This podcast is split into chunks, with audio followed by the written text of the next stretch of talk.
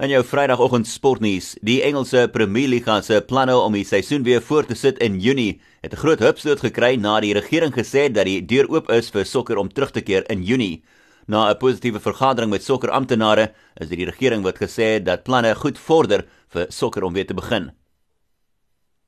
Engeland se cricketspelers kan ook weer volgende week begin met individuele oefensessies. Dis die eerste tree nader aan cricket na sport natuurlik gestaak is as gevolg van die koronavirus. Daar sal egter geen cricketwedstryde in Engeland of Wales wees tot minstens die 1 Julie nie. En as die Engeland en Wales cricketraad wat hoop dat hulle kan gasheer speel vir 'n drie-toetsreeks teen die Wes-Indiese eilande in Julie. En die Suid-Afrikaans gebore Devon Conway is vroeg ingesluit in die Nieu-Seelandse gekontrakteerde cricketgroep voordat hy sy vereiste 3 jaar burgerskap voltooi het omdat sy vorm onmoontlik is om te ignoreer volgens die hoofkeurder Gavin Lawson. Die 28-jarige Kulver sal eers in aanmerking wees om gekies te word in Augustus, maar hy is een van drie nuwe spelers wat aangewys is in Nieu-Seeland se 20-man gekontrakteerde groep.